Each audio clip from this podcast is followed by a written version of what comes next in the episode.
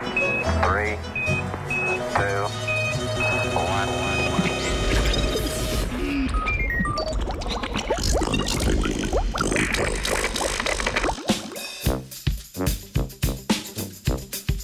Življenje v skali.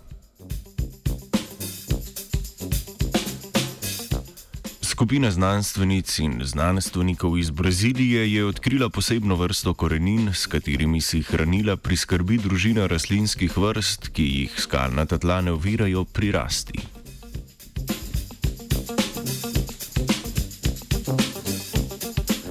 Tako kot druga živa bitja, tudi rastline za svoj obstoj potrebujejo fosfor. Ta kemijski element je del nukleinskih kislin, ki v celicah uravnavajo sintezo proteinov. Prav tako fosfor igra pomembno vlogo pri deljenju celic in nastajanju novih tkiv. Rastline pa ga pridobivajo preko korenin s prevzemanjem fosfatov iz tal. Nimajo pa vsaka tla tega planeta fosforja na pretek, zato so na takih območjih prisotne le vrste, ki ga nekako uspejo pridobiti iz tal.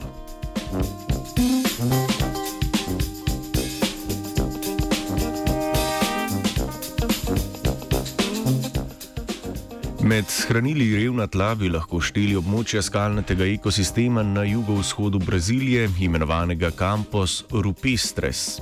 Kar tretjino tega visokogorskega travišča razrašča družina rastlin Velozija C, ki največkrat rastejo neposredno na kvarcitnih skalah. Brazilsko znanstveno skupino je zanimalo, kako si omenjena rastlinska družina priskrbi fosfor na skalnatih tleh.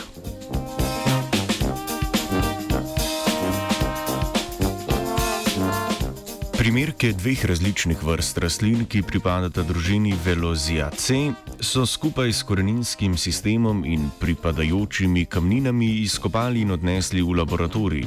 Opravili so analize korenin in spojin, ki jih te izločajo v okolico tal.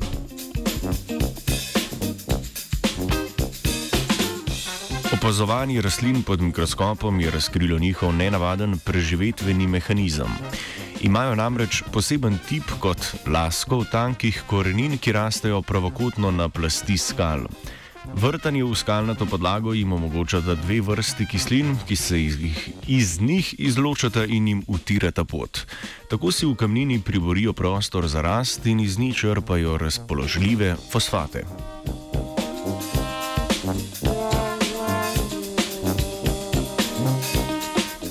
Odkritje raziskave predstavlja morfološko in fiziološko novost v prilagajanju rastlinskih vrst na življenje v ekstremnejših ekosistemih. Raziskovalci in raziskovalke se celo poigravajo z mislijo o prenosu teh lasnosti na polščine, ki bi spremenjene bile sposobne rasti tudi na skalnatih površinah.